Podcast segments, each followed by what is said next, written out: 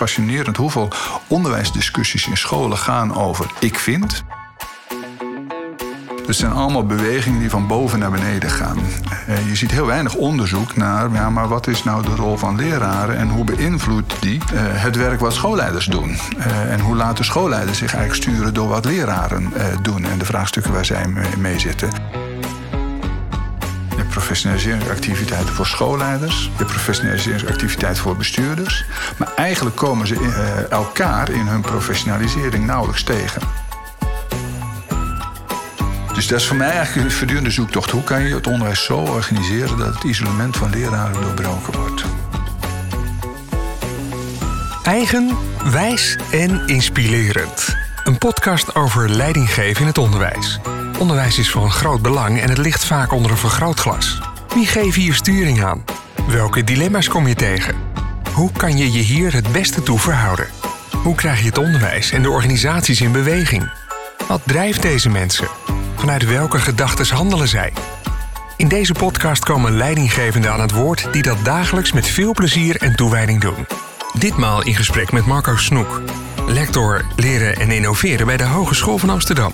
En zoals het in het onderwijs betaamt, starten we de kennismaking met het Vriendjes en Vriendinnetjesboekje. Naam: Marco Snoek. Geboortedatum: 12 februari 1961. Woonplaats: Zaandam. Broers, zussen? Ja. Burgerlijke staat? Gehuwd. Kinderen? Ook. Mijn collega's kennen mij als.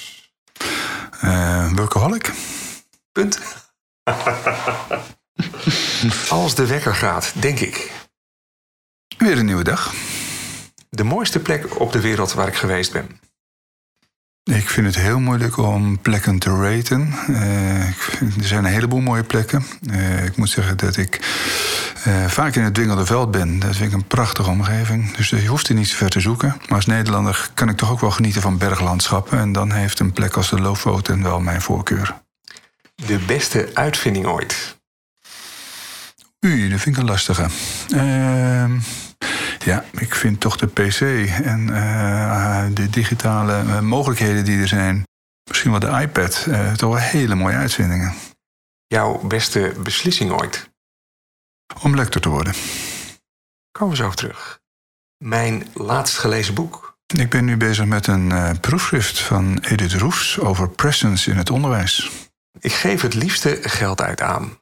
Ik ben bezig met een nieuwe hobby te ontwikkelen en dat is uh, houtbewerking.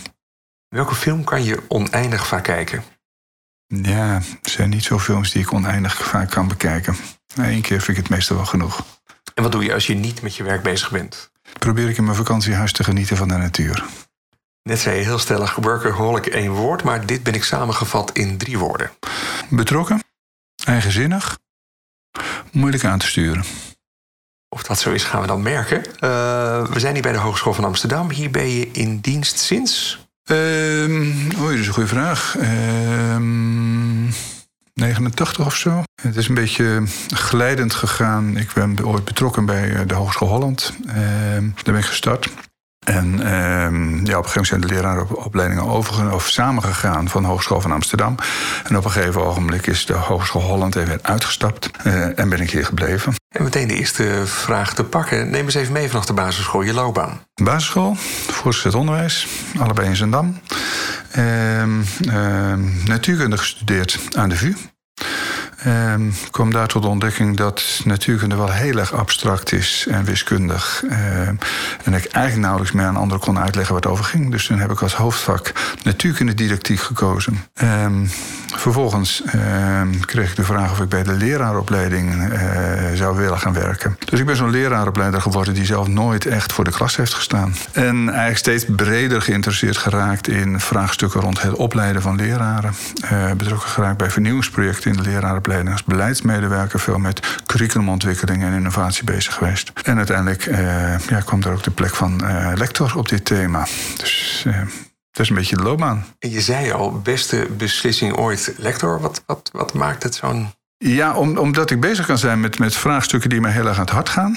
Ehm, en daar uh, het gevoel heb betekenisvol in te zijn. Ehm, het mooie vind ik van uh, lectoraat is dat je bezig bent met en de verdieping te zoeken, maar tegelijkertijd heel erg de verbinding te leggen in de praktijk. En wat ik misschien wat leukste vind in mijn werk is dat ik ja, te maken heb met studenten, uh, met leraren, opleiders, met leraren, met schoolleiders, met beleidsmakers. En eigenlijk de verbinding tussen die partijen om te laten zien van hé, hey, maar zo kijkt een ander daartegen aan. Ehm, eh, dat vind ik wel het leukste van mijn werk.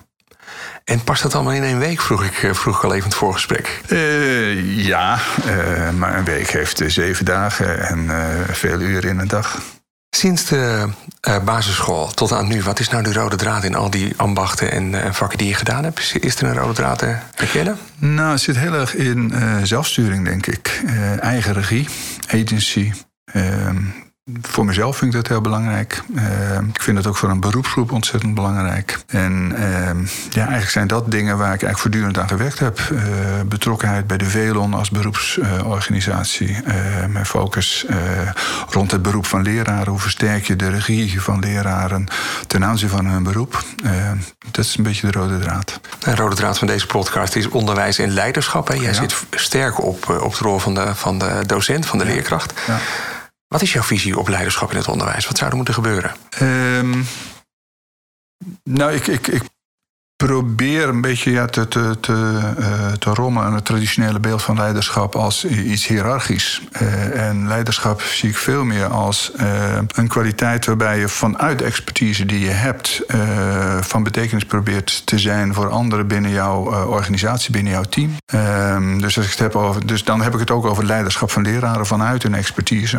Ehm, dus dat nou, het heeft, zegt iets over het beeld wat ik heb van dat beroep van leraar. Dat je expert kan worden in een terrein en dat je daarin ook ja, vervolgens de verantwoordelijkheid hebt om vanuit die expertise ook van betekenis te zijn voor uh, collega's binnen die school. Om samen te werken aan beter onderwijs. Uh, nou, dat vraagt iets van uh, leraren zelf om dat leiderschap te pakken en verder te kijken dan alleen hun eigen klas en hun eigen vak. Maar het vraagt ook iets van schoolleiders om daar ruimte voor te maken. Dus dat zijn. Ehm, ja, dus, dus leiderschap is veel meer een, een kwaliteit in een organisatie dan iets wat positioneel aan een persoon vastzit. En wat zie je in veel dagelijkse praktijk hierin? Ja, ik zie verschillende dingen. Um, ik zie dat we heel erg in het, um, het hiërarchische model zitten uh, in het onderwijs. Uh, van boven naar beneden sturen. Ik vind het fascinerend als je kijkt bijvoorbeeld naar onderzoek over bestuurlijk vermogen in het onderwijs. Dan gaat het eigenlijk over de vraag van wat moeten onder onderwijsbestuurders doen om te sturen op wat er in scholen gebeurt. Dus in de richting van schoolleiders, in de richting van leraren. Als we kijken naar onderzoek naar uh, schoolleiders, gaat het heel erg over de vraag: wat doen schoolleiders in het aansturen van onderwijsteams en onderwijsinnovatie binnen die school? Dus het zijn allemaal bewegingen die van boven naar beneden gaan. Uh, je ziet heel weinig onderzoek naar, ja, maar wat is nou de rol van leraren en hoe beïnvloedt die uh, het werk wat schoolleiders doen? en hoe laten schoolleiders zich eigenlijk sturen door wat leraren doen en de vraagstukken waar zij mee zitten? Dezelfde vraag ten aanzien van bestuurders: van hoe laten bestuurders zich sturen door wat er in die praktijk in die school plaatsvindt en de impulsen die zij van leraren krijgen. Dus ik ben ook heel erg op zoek naar hoe je daar uh, ja, toe kan komen tot wederzijdse vormen van sturing, omdat die hiërarchische patronen van boven naar beneden heel veel uh, weerstand oproepen. Ik ben op dit moment ben ik bezig met. Uh, we zijn gestart met een nieuw NRO-project, uh, onderzoeksproject. Waarin we eigenlijk dit proberen aan te, aan te stippen. Ehm, kijk, een van de, de, de knelpunten die, ik zie in het onderwijs is dat um, um, het heel vaak om individuen gaat. Um, de leraar als individu. dat zit ook in die structuur. Daar kunnen we straks misschien nog wel wat uit, uitgebreider op ingaan. Maar op het moment dat een leraar zich ja, in zijn eentje voor een groep staat, in zijn eentje verantwoordelijk is voor zijn werk, voelt hij zich verantwoordelijk voor zijn eigen professionele kwaliteit, zijn eigen professionele ontwikkeling. Dat geldt ook voor een andere leraar binnen diezelfde school. De vraag is in welke mate leraren zich verantwoordelijk voelen voor elkaars professionele kwaliteit. Nou, als ze dat niet voelen en daar niet elkaar op aanspreken en elkaar op, op, op, op durven sturen, heb je dus iemand anders nodig die op die collectieve kwaliteit stuurt. Nou, dus die schoolleider. Als die schoolleider zich verantwoordelijk voelt voor zijn professionele kwaliteit in het sturen binnen de school. ja, voelt hij zich ook verantwoordelijk voor zijn eigen professionele kwaliteit en eigen professionele ontwikkeling. Geldt ook wellicht ook voor een andere schoolleider binnen datzelfde bestuur. De vraag is wanneer, in welke mate die twee schoolleiders zich verantwoordelijk voelen voor elkaars professionele kwaliteit en elkaars professionele ontwikkeling. Als dat niet het geval is, heb je dus iemand anders nodig die op dat collectief stuurt. Dat is een bestuurder. Nou, en die bestuurder is weer verantwoordelijk voor zijn eigen professionele kwaliteit. Geldt ook voor een andere bestuurder. En als ze zich niet verantwoordelijk voelen voor elkaars professionele kwaliteit, heb je dus een ministerie of een inspectie nodig die weer op dat collectief stuurt. Dus dat, dus dat creëert eigenlijk die hiërarchie van boven naar beneden, waarbij het beeld is van bovenlaag stuurt op het collectiviteit van die laag daaronder. Nou, dat roept vervreemding op, uh, uh, dat roept weerstand op. Uh, het zorgt er ook voor dat er gescheiden professionaliseringssystemen zijn. Je hebt professionaliseringsactiviteiten voor leraren, je hebt professionaliseringsactiviteiten voor schoolleiders, je hebt professionaliseringsactiviteiten voor bestuurders. Maar eigenlijk komen ze elkaar in hun professionalisering nauwelijks tegen. Ehm, dus ja, de, de, en dat, dat dat zit als het ware in het systeem en dat hou je met elkaar in stand. Dat hou je met elkaar in stand omdat je je verantwoordelijk voelt voor je eigen deel en niet voor het andere. En tegelijkertijd heb je er allemaal last van, omdat je dat eigenaarschap mist. Nou, dat zijn als het ware patronen die ik, die ik zie in scholen. Um, um, ja, waarbij je niet kan zeggen iemand is schuldig of iets dergelijks, maar je doet er allemaal aan mee en je houdt met elkaar dat patroon in stand. Nou, wat ik dus interessant vind is te kijken van kan je dat soort patronen doorbreken en hoe dan? Uh, omdat je ja, daarmee ook als het ware weer terugkomend op dat leiderschap, dat leiderschap eigenlijk bij iedereen legt. In plaats van het traditionele beeld van oh, van boven moeten naar beneden gestuurd worden. En, en tegelijkertijd zie ik wel dat allerlei ja, patronen en systemen en dergelijke die we hebben, iedere keer weer terugduwt naar die sturing van boven naar beneden. Dus je moet ook wel ja, stevig in je schoenen staan als je dat anders wil. En is het te doorbreken? Ja, ik denk het wel. Uh, maar het vraagt dus iets van alle partijen. Dus als je het hebt over uh, gespreid leiderschap, waarbij je zegt, nou, dat leiderschap ligt niet alleen bij schoolleiders of teamleiders of afdelingsleiders, maar eigenlijk bij iedereen in de school. Dus eigenlijk zegt van, ja, wat er speelt in de samenleving en de vraagstukken die er zijn, dat kan je niet met een paar formele leidinggevende oplossen. Dat moet je met elkaar doen. Dus eigenlijk wordt er een appel gedaan op iedereen om leiderschap te tonen, om ja, aan de slag te gaan met de vraagstukken die er zijn. Uh, dat vraagt dus iets van schoolleiders om ja, uh, stappen terug te zetten en de regie ook durven neer te leggen bij uh, leraren, bij onderwijsteams. Maar het vraagt ook iets van leraren om daar dan dus ook een, rol in te pakken. Um, nou, en dan moet je ook constateren dat ehm, ja, het pakken van een rol in een organisatie ook vraagt van ja, iets vraagt en ten aanzien van leiderschapskwaliteit. Het is niet voor niets dat we zeggen schoolleiders moeten ook goed opgeleid zijn, maar dat betekent dan dus ook voor leraren die een leiderschapsrol nemen, ja, dat die ook leiderschapskwaliteiten moeten ontwikkelen en iets snappen moeten over de dynamiek in organisaties, vraagstukken uh, rond veranderkunde en dergelijke. Um, dus ja, leraren hebben dan ook iets te ontwikkelen wat niet in die initiële opleiding zit. Dus ja, teams en uh, schoolleiders moeten ook, naar, ook kijken ja, en hoe, wat hebben leraren dan nodig daarin om uh, dat soort uh, ja, rollen te pakken. Wat hebben ze nodig? Wat niet in de basisopleiding zit, dat hoor ik ook. Ja, nou, ik, ik denk, ze hebben verschillende dingen nodig. Een aantal die zitten in die basisopleiding. Je moet gewoon een goede leraar zijn. Uh, want anders heb je ook geen gezag naar, naar collega's toe.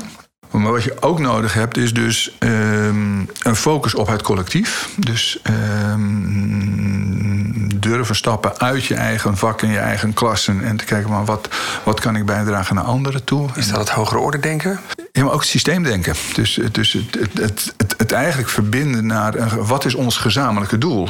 Uh, en je daar dus ook mede verantwoordelijk voor voelen. Um, en dat vraagt ook een soort ja, strategische handigheid. Ik, ik, zeg het en ik maak me daar nooit helemaal uh, populair mee. Maar ik zie wel vaak situaties dat leraren iets proberen te in, in, in, beweging te zetten in een school. En dan lukt het niet. En dat ze dan op hun rug gaan liggen en zeggen: ja, en het lukt niet. En het is de schuld van die en die. Terwijl je ook kan zeggen: oké, maar dit lukt niet. Dus wat is dan het alternatief? Of wie heb ik dan nodig? Dus echt strategisch nadenken over van ja, hoe vind ik uh, mijn medestanders? Uh, wat zijn effectieve strategieën? Dus dat strategisch denken. En dat, daar heb je ook een kennisbasis voor nodig. Dan moet je iets snappen over veranderprocessen, over dynamieken, over het leren van leraren. Uh, ook ja, wat zijn de concerns van mijn schoolleiders en hoe speel ik daarop in? en hoe neem ik die ook serieus?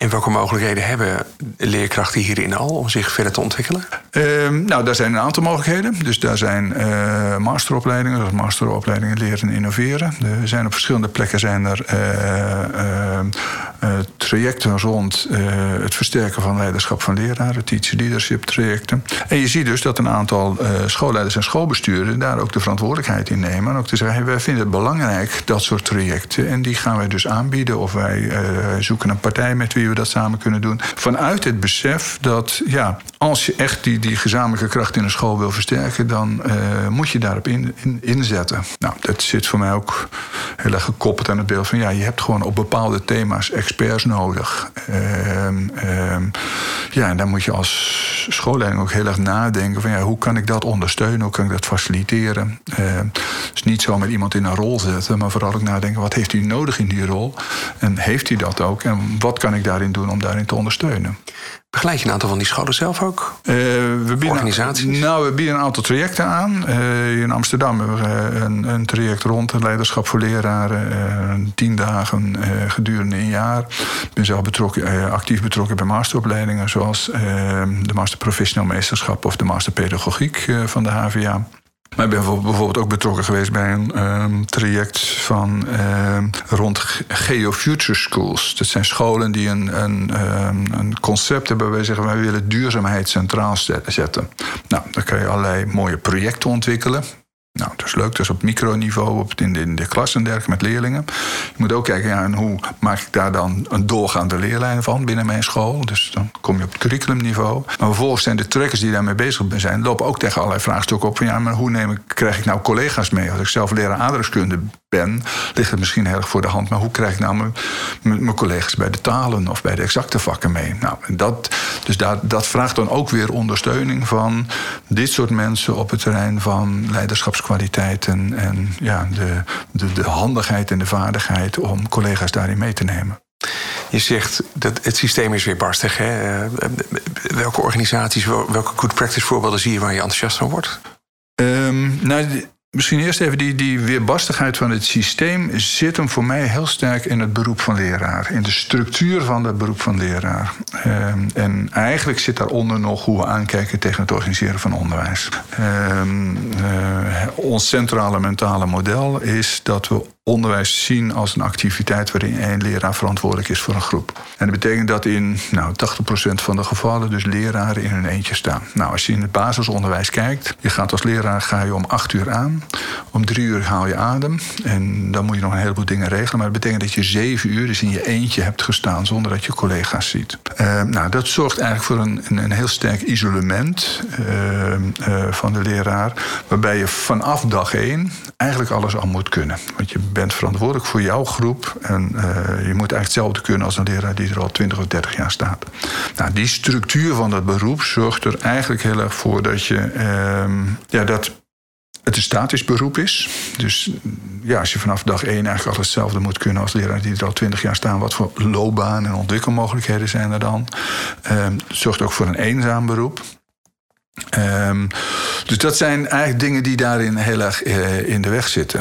Um, dus op het moment dat je dat anders wil, moet je dus nadenken over hoe organiseer ik nou de structuur in mijn school en hoe kan ik voorkomen dat leraren in dat isolement blijven zitten. Nou, dan vind ik hele interessante bewegingen scholen waarin uh, gewerkt wordt met vormen van teamteaching. Uh, uh, als het ware over de, de, de, de grenzen van de eigen klas gekeken wordt, waarbij je met meerdere mensen af, uh, verantwoordelijk bent in het initiële proces. Nou, ik zie een aantal voorbeelden hier in Amsterdam, een aantal vernieuwingsscholen die proberen dat op een andere manier vorm te geven.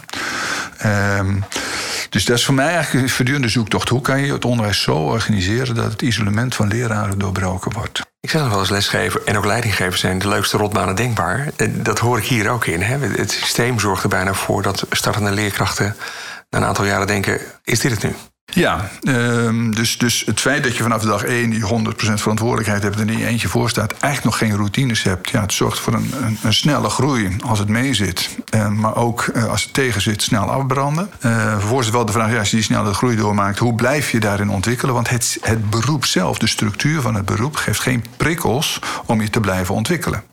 We kennen één set bekwaamheidseisen. Het zijn eisen waarmee je van de opleiding afkomt. Maar er zijn, we hebben niet met elkaar de gezamenlijke taal, maar waar sta je over vijf jaar, of tien jaar, of twintig jaar? Dus er is geen structuur die uitnodigt tot, tot, tot groei en, uh, en doorgaande ontwikkeling. Um, dus ja, dat, dat, dat maakt dat, dat, dat beroep bijzonder. Um, en het creëert dus ook hobbels um, in ja, het, het, het bijvoorbeeld creëren van een leercultuur in school. Het is niet zomaar vanzelfsprekend dat er een leercultuur in scholen eh, ontstaat. Kijk, we weten heel veel over leerculturen. We weten dat professionalisering en leven lang ontwikkelen heel belangrijk is. En toch blijft het heel lastig om dat met elkaar te realiseren in scholen. Om, om echt een leercultuur te creëren. Dus ik ben eigenlijk vooral gefascineerd, waar komt dat nou door? En voor mij zit die structuur daar als een soort ja, onderlaag onder. Kijk, op het moment dat je je onderdeel voelt van een professioneel team waarin met elkaar ook ja, dingen deelt en, en op zoek gaat en dergelijke, dan ontstaat er een context waarin je je professioneel veilig kan voelen. Als je je professioneel veilig voelt, dan kan je kwetsbaar, durf je je kwetsbaar op, op te stellen. Als je kwetsbaar durft op te stellen, betekent dat je open staat voor de input van anderen. Betekent dus dat je je eigen praktijk mede bekijkt door de ogen van anderen. Niet alleen maar jezelf als referentiekader neemt. Dat draagt bij aan je professionalisering, waardoor je weer makkelijker kwetsbaar durft op te stellen. Nou, als je kwetsbaar durft op te stellen, dan versterkt dat je handelingsvermogen. Als je handelingsvermogen groter wordt, betekent dat je minder werkdruk ervaart, omdat je het gevoel hebt van hé, hey, maar ik kan, het, eh, ik, kan ook handelen, ik kan, ik kan het aan. Betekent dus dat je uh, uh, ook zelf de regie hebt en je niet voortdurend een soort speelbal voelt die achter de feiten aanloopt. En dat versterkt ook je handelingsvermogen weer. En dat in die context van het team zorgt dat je dus weer sneller onderdeel van het team voelt. Nou, dat is als het ware een patroon waarin als het ware dingen in elkaar haken. Maar op het moment dat je dus niet deel voelt van een team, omdat je het gevoel hebt, ja, maar eigenlijk sta ik er zelf voor. Ik denk heel veel scholen, zou je kunnen zeggen, daar werken leraren vooral uh, uh, uh, in hun eentje, samen in hun eentje. working apart together. Ja, groep 6 is voor mij. Volgend jaar heb jij groep 6. Ja, ja. Ja, ja, ja, dus op het moment dat dat de situatie is, is de vraag of er sprake is van een veilige context waar je je ook kwetsbaar durft op te stellen. Als je niet kwetsbaar durft op te stellen, betekent dus dat je minder open staat voor de input van anderen. Dat je je eigen handelen alleen eigenlijk bekijkt door je eigen ogen. Het is fascinerend hoeveel onderwijsdiscussies in scholen gaan over ik vind. Op het moment dat je ja, vooral naar je eigen ogen naar kijkt, gaat het eigenlijk ten koste van je professionele ontwikkeling. Wat weer zorgt dat je je minder kwetsbaar durft op te stellen. Waardoor je eigen, je ervaren handelingsvermogen weer afneemt. Je meer werkdruk ervaart. Het gevoel hebt van ja, ik sta er in mijn eentje voor en ik loop voortdurend achter de feiten aan. En je dus ook niet onderdeel voelt van een professioneel team. Uh, en ik denk dat dat in, in een aantal scholen echt aan de orde is. Ik vind het fascinerend om, om eigenlijk te horen hoeveel, uh, in hoeveel scholen, zeker het voortgezet onderwijs, het, uh, het echt lastig is om een context te creëren waarin leraren bij elkaar in de klas komen kijken als een soort van zelfsprekendheid. Nou, hoe komt dat nou? Is dat omdat leraren apart slag mensen zijn? Nee, ik denk het niet. Maar ik denk dat die structuur dus dit, dit soort dingen veroorzaakt. Dus je moet nadenken van ja, wat, wat heb je te doen? Als leraar, maar ook als schoolleider, om dit soort patronen te, te doorbreken. Wat was het laaghangend uh, fruit hierin? Um, ja, er zijn. Maar dat, dat, klinkt weet, zo, dat weet zo eenvoudig. Ja, ja, ja, nou ja, laaghangend fruit klinkt alsof, oh, maar als je dit doet, dan heb je de oplossing. Juist omdat het een patroon is, eh, houdt het zichzelf als het ware in stand. Uh, we zijn, ik ben nu heel erg bezig met, met op deze manier naar het onderwijs te kijken. En vooral ook dat te visualiseren, als het ware, in, uh, in een schema. Zodat je ze zichtbaar kan maken van wat speelt hier nou. Omdat dat een handvat is om het gesprek te voeren binnen een team. En het mooie is, ik gebruik daar causale diagrammen voor, is dat ze als het ware onschuldigen. Ze leggen niet de schuld ergens van het ligt aan die of die of die. Maar het laat eigenlijk zien hoe je elkaar met, uh, ja, in een soort klem houdt. En als je dat op deze manier doet, dan betekent dus dat je met elkaar een gesprek kan hebben van hé, hey, maar herkennen we dit? Ja, dit herkennen we wel. Maar wat hebben we dan te doen? En wat heeft wie dan te doen? Um, en dan wordt een ander soort gesprek dan het gesprek van oh, die schoolleider dit of dat. Of uh, die leraren zus of zo.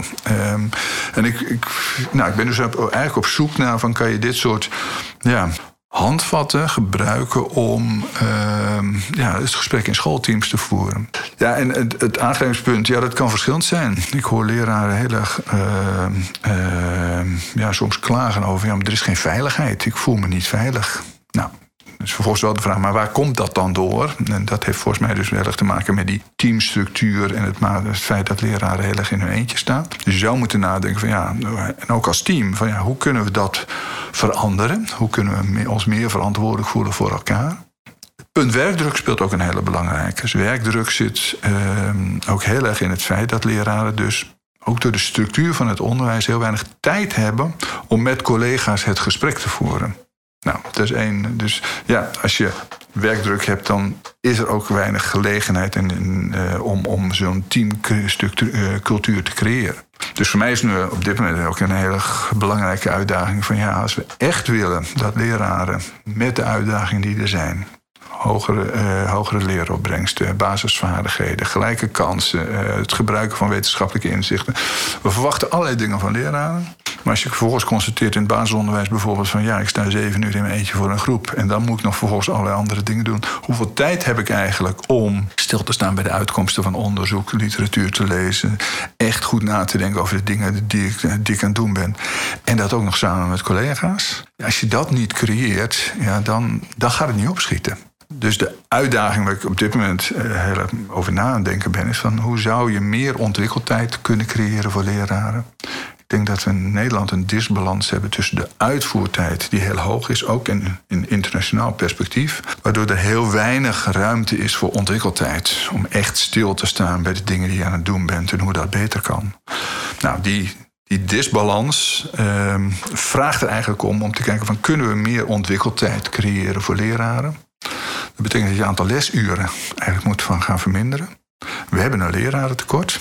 Uh, we zijn heel terughoudend in het inzetten van andere experts. Ja, dat betekent dus als je echt ontwikkeltijd wil creëren voor leraren met minder lestijd, dat je dus eigenlijk ook de lestijd van leerlingen moet verminderen. Je zei ook uh, in, uh, in vergelijking met het internationaal perspectief. Ja. Wat, wat zie je in andere landen wat daar werkt. En dus...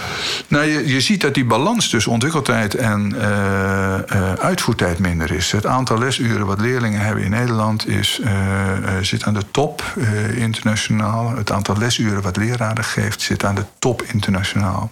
Dat betekent dus dat we heel weinig tijd hebben om echt na te denken over onderwijs. Dat kan een verklaring zijn waarom we het internationaal ook niet zo goed doen. Aan de andere kant moet je een beetje voorzichtig zijn, want we, gaan, we worden steeds slechter. Terwijl op zich, je, bedoel, je wilt op de PISA-ranking? Ja, op de PISA en, en alle andere internationale uh, vergelijkingen. Uh, je ziet dat we daar ja, steeds slechter doen. Terwijl op zich het aantal lesuren wat leraren geven niet hoger geworden is of zoiets. Dus, dus daar is niet zo, zomaar een causale, causaal verband. Maar je ziet naar andere landen, dus die veel minder lesuren geven, zowel voor leerlingen en minder lesuren door leraren, dat de resultaten in sommige gevallen hoger zijn. Dus er is niet een één op één relatie tussen als je mij heel veel les geeft, dan leren leerlingen heel veel, heel veel. Je moet ook nadenken over de kwaliteit van die les. Dus leren, leerlingen leren heel veel niet met veel lessen, maar vooral van goede lessen. Nou, en dat vraagt dus van leraren dat ze tijd hebben om na te denken over goede, goede lessen. En dat hebben we in Nederland heel weinig.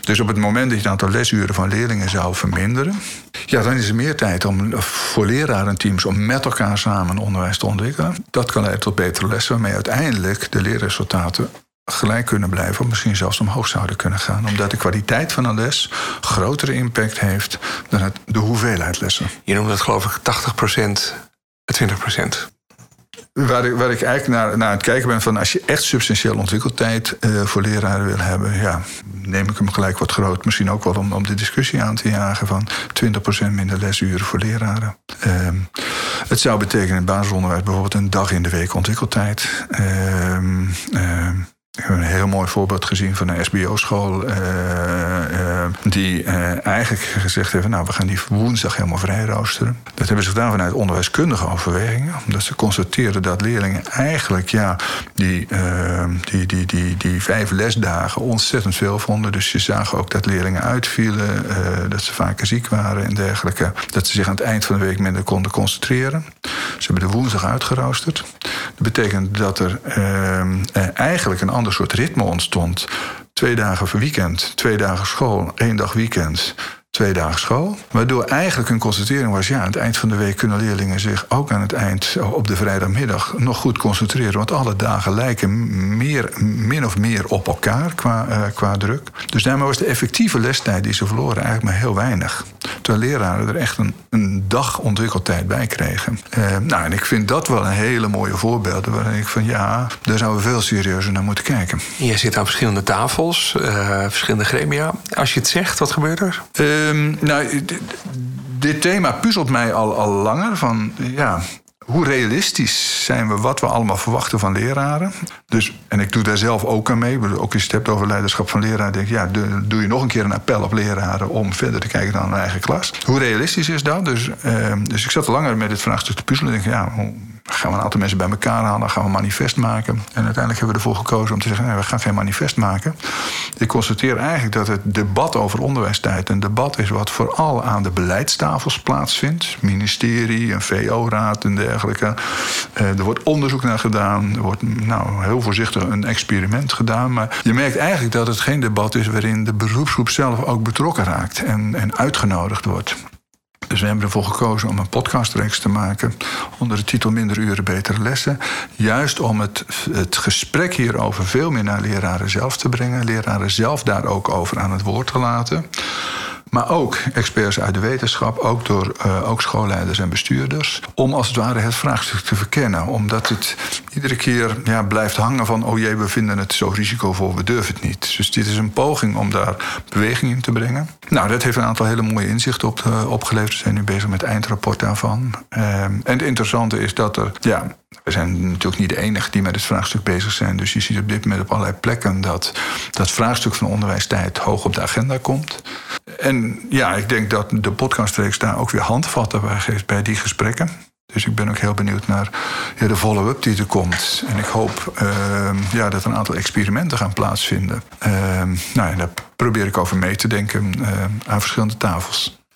Schiet me te binnen. We zitten nu in het Amsterdamse. Hè? een half jaar geleden even wat uh, reuring in het dorp, zullen we zeggen. 40 besturen, zeiden beste ouders. Grote kans dat u niet meer één leerkracht per jaar krijgt en, en uh, dat dat gaat uh, veranderen. Nou, dat vond de ene helft van Nederland vond dat logisch, de andere helft niet. Wat vond jij van, van die ontwikkeling en de gebeurtenis? Nou, er zijn twee, twee perspectieven, denk ik. De ene is van waar ik het net over had, was het creëren van meer tijd voor leraren om aan de slag te gaan met onderwijsontwikkeling. De insteek van de besturen was een andere. Uh, minder uh, onderwijstijd omdat we niet genoeg leraren hebben. Dus de beweging die zij maakte was niet gericht op het creëren van meer ontwikkeltijd van leraren. Uh, daarmee vind ik dat een risico, omdat je eigenlijk dus de werkdruk uh, alleen maar groter maakt. Op het moment dat je zegt van nou, we, gaan, we hebben minder leraren. Als we minder onderwijs geven, dan kunnen we uh, leraren misschien nog op andere plekken ook inzetten. Dus dan ga je eigenlijk die werkdruk van leraren alleen maar groter maken. Dus dat is een risico. Um, het andere perspectief wat erin zat, was de vraag van kan je ook andere mensen inzetten? Dus kan je andere experts inzetten dan leraren? En dat is ook een vraagstuk waar, waar, waar we in de podcast mee, uh, mee bezig zijn geweest. Omdat, ja, als je zegt leraren minder geven geven minder les. Kan je dan toch diezelfde leertijd voor, leraar, voor leerlingen vasthouden door andere experts in te zetten. Dan gebruik je experts niet omdat je geen leraren hebt en als een soort uh, ja, opvultijd, uh, opvultijd of een soort, soort, soort, soort, soort lagere uh, gekwalificeerde opvangmogelijkheid of iets dergelijks. maar dan zeg je eigenlijk nee, we willen die experts juist in te zetten, inzetten om te zorgen dat leraren beter tot hun recht kunnen komen, omdat ze dan echt met die onderwijsontwikkeling bezig kunnen zijn. Dus juist kunnen dat soort experts een rol spelen in het versterken van het leraarschap en de professionaliteit van leraren. Het probleem is wel dat je uiteindelijk gaat het over het leren van leerlingen. Uh, en dat betekent dus dat je daar expert in moet zijn. Dus je moet heel erg oppassen om ja, mensen maar in en uit te vliegen die wel inhoudelijke deskundigheid hebben, maar geen deskundigheid, uh, minder deskundigheid in het, het, het pedagogisch didactisch handelen met leerlingen. Uh, en je bent als school ben je bezig met een, een, een werkje vanuit een onderwijsvisie en vanuit een soort gedrevenheid. En het is belangrijk dat mensen die de school binnenkomen vanuit diezelfde onderwijsvisie werken. Dus we hebben een gesprek gehad in de podcast met uh, een school die eigenlijk heel systematisch probeerde ex externe experts in te zetten. Ze vervolgens ook ziet als onderdeel van het team. Van ze verwacht dat ze meegaan in de pedagogisch-didactische visie van, uh, van de organisatie en daar vanuit een bijdrage leveren. Nou, dat is iets anders dan oh, we, vliegen van wat experts in. Wat je eigenlijk doet, is dat je op een andere manier naar je onderwijsteam kijkt. Niet als een soort gesloten set van dit zijn de mensen die dat doen, maar onderwijs ook veel meer als iets, een opener proces ziet. Waarbij je ja, maar de, die omgeving die speelt daar ook een rol bij en die, die draagt daaraan bij. Dus um, een soort, uh, ja bolwerk maken van bevoegde leraren. Ik denk, volgens mij moeten we ook naar een ander beeld toe van dat beroep. Maar wel vanuit de focus op die inhoudelijke kwaliteit van het leerproces van leerlingen. En dat betekent dus dat je ook anderen daar een rol in kan geven, maar dat ze wel onderdeel zijn van een team. Meegaan in die visie van, uh, van die school, uh, maar daarin ook serieus, uh, als serieuze gesprekspartner gezien worden. Het eigenaarschap waar je het eigenlijk eerder over had. Ja, en, en ook weer dat, dat, dat teamperspectief wat je daarin ziet. Waar je zegt, hé, maar wacht even, dat team dat is meer dan alleen die bevoegde leraren die we hebben. Maar er zit een veel bredere groep rond dat leren van leerlingen.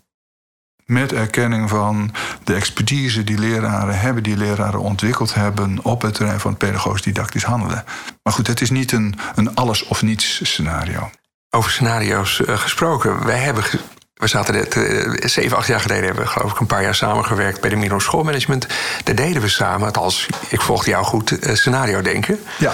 Meestal vraag ik welke ontwikkelingen komen er op ons af en wat is jouw idee. Maar welke scenario's heb jij de laatste periodes uitgewerkt waarvan je dacht, maar dat zijn echt ontwikkelingen Let op. Nee, die, die hangen heel erg samen met de dingen die, die ik nu noem. Um, um, en dat is eigenlijk scenario's. En je ziet dat veel scholen bezig zijn met het vraagstuk van anders organiseren. Niet vanuit, oh jee, we hebben een lerarentekort.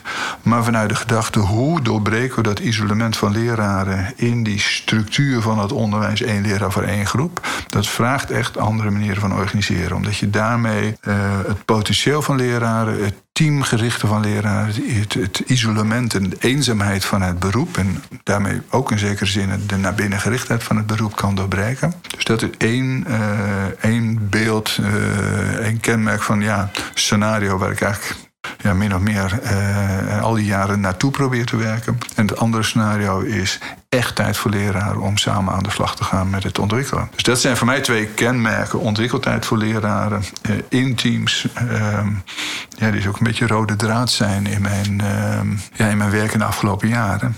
En een element daarin is dat je zegt van ja, als je die ontwikkeltijd ook, ook serieus neemt, dat betekent dus dat je ook dat beroep van leraren moet zien als een beroep waarin je je specialisme kan ontwikkelen.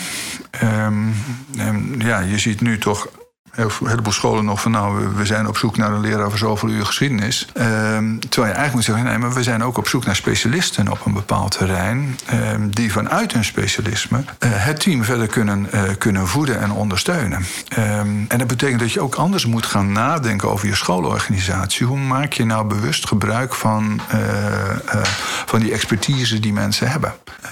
dus dan moet je zowel in het basisonderwijs als in het voortgezet onderwijs echt nadenken over andere manieren van uh, ja, je arbeidsorganisatie inrichten en hoe je daar uh, ja, expertise van leraren stimuleert en benut. We hadden het net over beginnende docenten die snel op kunnen branden. Uh, vooral als ze hè, zeven uur lang veroordeeld zijn tot hun eigen lokaal. Veel startende schoolleiders beginnen ook aan een mooie avontuur en stranden. Relatief vaak. Ja. Wat, wat gun je die groep?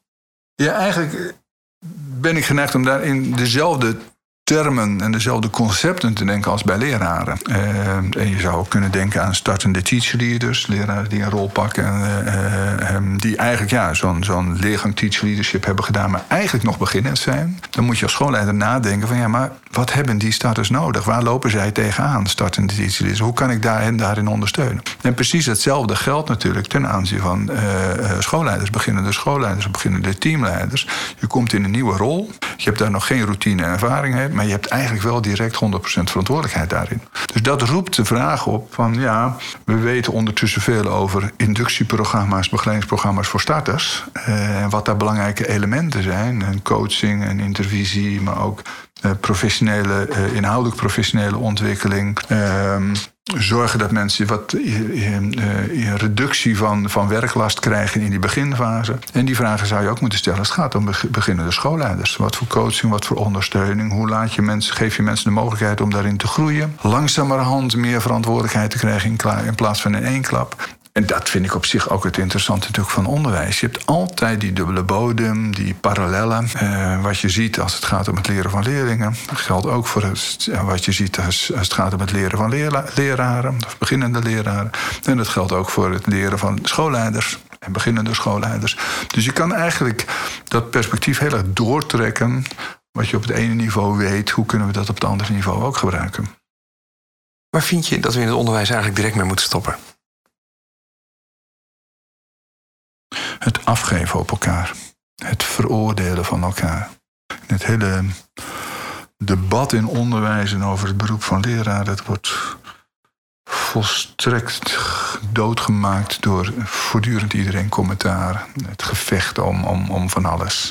Ik zie dat op dit moment actueel als het gaat om uh, de, de vraag van een beroepsgroep. Uh, we, we, constateren al jarenlang dat er eigenlijk heel hard behoefte is aan een beroepsgroep van leraren. En iedere keer als er een nieuw initiatief is om een beroepsgroep te creëren, wordt het op een gegeven moment weer door omzeep geholpen. Uh, niet ondersteund door een ministerie, omzeep geholpen door andere leden van de beroepsgroep die dat eigenlijk geen goed idee vinden en dergelijke.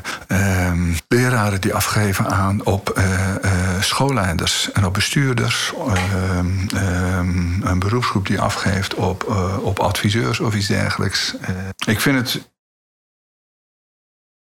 Eigenlijk gaat het voortdurend over die verbinding, het feit van we zijn allemaal met diezelfde opdracht en diezelfde uitdaging bezig. En de erkennen daarvan is volgens mij wezenlijk. Uh, en erkennen dat je dat samen moet doen. Ik vind het fascinerend hoe in veel scholen, wederom in, in het voortgezet onderwijs herken ik het veel, dat leraren aan het mopperen zijn over een schoolleider die het niet goed doet. Terwijl ik denk van ja, je kan ook zeggen van hé, hey, daar staat een collega in een bepaalde rol die wellicht nog niet 100% functioneert en dus een uitdaging heeft. En hoe kan ik bijdragen aan zijn of haar leerproces? Dus dan voel je mee de verantwoordelijkheid en verantwoordelijk daarvoor. En, nou ja, ik denk we zijn op allerlei niveaus voortdurend zo goed in het afgeven op elkaar. Je zei net in het voorgesprek nog vier jaar en dan mag je met pensioen. Ik schat je natuurlijk veel jonger, maar als je een beetje terugkijkt al, waar ben je nou echt heel trots op? Wat is goed gelukt? Ja, dat zijn iedere keer eigenlijk dat, nou, thema's. Uh, aan thema's werk van het gevoel van hé, hey, maar dit, dit, dit geeft handvatten. Uh, nou ja, wat, wat ik een, een, uh, echt een hele mooie ontwikkeling vond, was die van het beroepsbeeld voor de leraar. Een traject wat we gedaan hebben met de VO-raad en de le leraaropleidingen. vanuit de gedachte van hé, hey, hoe kunnen we als leraaropleiding ook een bijdrage leveren aan verdere ontwikkeling van, van leraren. Gesprek met de VO-raad, constatering was eigenlijk van hé, hey, wat gek eigenlijk. We hebben wel een competentieprofiel, dat is waar je aan moet voldoen op het moment dat je van de opleiding afkomt. Dus we weten ook wel hoe we moeten opleiden. Maar we hebben eigenlijk helemaal geen beroepsprofiel. Terwijl als je in het MBO of HBO kijkt, dan begin je met een, een beeld van het beroep. Op basis daarvan schets je dan, oké, maar wat vraagt dat dan van dat beroep, eh, van professionals in dat beroep, en hoe ga je daar vervolgens dan een opleiding in, maken? Nou, we hebben wel opleidingen, we hebben bekwaamheidseisen, er is eigenlijk helemaal geen beschrijving van dat beroep. Nou, Misschien omdat we het zo vanzelfsprekend vinden. Van ja, dat beroep, dat ja, we weten allemaal, want we hebben het allemaal meegemaakt en dergelijke. Uh, dus, maar we hebben daar eigenlijk helemaal geen beschrijving van. Terwijl in een heleboel andere beroepen zie je dat daar een duidelijke beschrijving liggen van zo'n beroep. Dus er was geen beroepsbeeld. Toen hebben we gezegd, nou, eigenlijk moeten we dat beroepsbeeld uh, uh, zou er moeten komen. Uh, dat moeten we doen samen met leraaropleidingen, bestuurders, schoolbesturen en de beroepsgroep. Nou, we hebben poging gedaan de beroepsgroep erbij te betrekken. In eerste instantie de onderwijscoöperatie die er toen was, daarna de vakbonden. Die hebben gezegd, nee, dat, dat, dat, daar doen we niet aan mee. Dus we hebben dat toen ja, alleen met de leraaropleidingen en de VO-raad gedaan. Wat ik op zich echt een gemiste kans vind. Maar goed, dat, uh, en dat heeft een beeld opgeleverd. waarvan ik eigenlijk eens ja, verrast was hoe, ont, hoe ontzettend dat aansloeg in het veld. Um, omdat het een, een beeld geef, gaf van groei en ontwikkeling. En we konden dat maken omdat we ook een aantal keuzes gemaakt hadden. We gaan het niet over functiebouwwerken hebben, we gaan het niet over salaris hebben. Want als je dat doet, ja, dan slaat het gesprek gelijk dood. Dus, dus dan, dan, dan kom je niet verder. Dus het is ons gelukt met de groep die, die op dat moment aan tafel zat... om als het ware boven de eigen praktijk uit te stijgen. En breder zin te kijken van hé, maar hoe zien we dat beroep nou en welke mogelijkheden zitten daar eigenlijk in? Dus niet vanuit een, uh, ja, een heel smal beeld. En dat levert vervolgens een, een, een, plaatje op wat heel erg aansloeg. Waar vervolgens de vraag was, ook vanuit de VO-raad, oh, kunnen we dat nu niet vaststellen? Ons beeld was, nee, er is niks aan vast te stellen. Dit is gewoon een beeld en daar kan je mee aan de slag. En dat kan je als inspiratiebron gebruiken. Het is ook niet van iets of van iemand. Uh, het is vooral ja, een, een handvat om na te denken. En daar kan je als bestuur over nadenken. kan je als schoolleider over nadenken. En daar kan je zeker als leraar over nadenken. Omdat het een soort landschap schetste. Geen kant-en-klare loopbaanbaden, maar een landschap schetste. Waarin je je kan bewegen als leraar. Uh, nou, en ik, ja, op zo ontzettend veel plekken is dat eigenlijk geland als een, een, een, manier om, om te kijken naar dat beroep. Ja, dat heb ik fascinerend gevonden hoe, hoe, hoe dat beeld eigenlijk aansloeg. En ik, ja, ik denk dat het een, een heel mooi, uh, mooi product is geworden. Waar kan je in je werk op leeglopen? Nou, wat ik, wat ik net zei, gemopper. Uh, nou, dat, en dat zit ook een beetje, dat zat ook een beetje achter die, uh, die podcastreeks. Ehm, ehm, een gesprek met uh, wat ik had op een gegeven moment mensen die, nou, die aangeven: ja, maar er is helemaal geen ontwikkeltijd voor leraren. En, denk ja, oké, snap ik, ben ik met je eens. En nu? Voor mij is het eigenlijk altijd: oké, als je dat constateert, wat nu? Wat, ga je, wat, wat, kunnen we daaraan gaan doen? Wat kan jij daaraan gaan doen? Ja, en dat is uiteindelijk de aanleiding zeggen, nou, daar willen we ook dan onder aandacht brengen, maken we een podcastreeks over. In de hoop dat het ding in beweging zet. Dus ik kan niet zo goed tegen uh, ja, mensen die lopen te mopperen, maar niet ja, zelf meedenken over de oplossing. Ja. En wat heb je hopeloos onderschat? Ja, de weerbarstigheid. Uh, en daar begin, ja, daar begin ik wel steeds meer zicht in te krijgen hoe nou, dus, dus wat ik zo net zei over bijvoorbeeld het creëren van leerculturen. Nou, dat, uh, we weten daarvan, nou, ga maar doen. Uh, en wat je eigenlijk ziet, en nou, ik denk dat ze zelf me ook uh, veel schuldig gemaakt hebt, is op het moment dat we een probleem hebben, oh, we gaan het oplossen en dan pakken we een stukje. Maar eigenlijk dat systeemkarakter, wat er eigenlijk voortdurend onder zit, waarin allerlei elementen in de structuur, in de cultuur, in de processen en de hiërarchieën en dergelijke, ehm, elkaar voortdurend beïnvloeden en versterken waardoor er eigenlijk hele hardnekkige patronen ontstaan. Dat heb ik onderschat. En dat begin ik nu meer te zien. En tegelijkertijd denk ik van ja, dat is dus ook een handvat om, om te stimuleren dat leraren, dat scholen, dat bestuurders meer vanuit het systemisch perspectief uh, proberen na te denken van wat hebben we daarin te doen. En dat is complex, want je moet op allerlei plekjes uh, tegelijk en op allerlei touwtjes tegelijk trekken. Je moet nadenken over structuren, je moet nadenken over cultuur, je moet nadenken over kwaliteiten die het van ieder uh, vraagt. Je moet nadenken over uh, de ruimte in je organisatie om ook de fysieke ruimte die je met elkaar hebt om het overleggende afstemming en de dialoog te faciliteren. Het gaat over, over visie die eronder zit, die je met elkaar deelt. Dus al die elementen die hangen met elkaar samen. Dat maakt hem zo weer barstig, maar maakt hem ook wel ontzettend leuk en spannend. Aan het begin zei je uh, drie eigenschappen betrokken, eigenzinnig en moeilijk om aan te sturen. Dat laatste triggert me. Wat is jouw handleiding of uh, waarom zeg je hem? Nou, dat. Uh, meer vanuit het perspectief. Uh, ik, uh, ik, wens niemand uh, toe dat die leidinggevende voor mij wordt.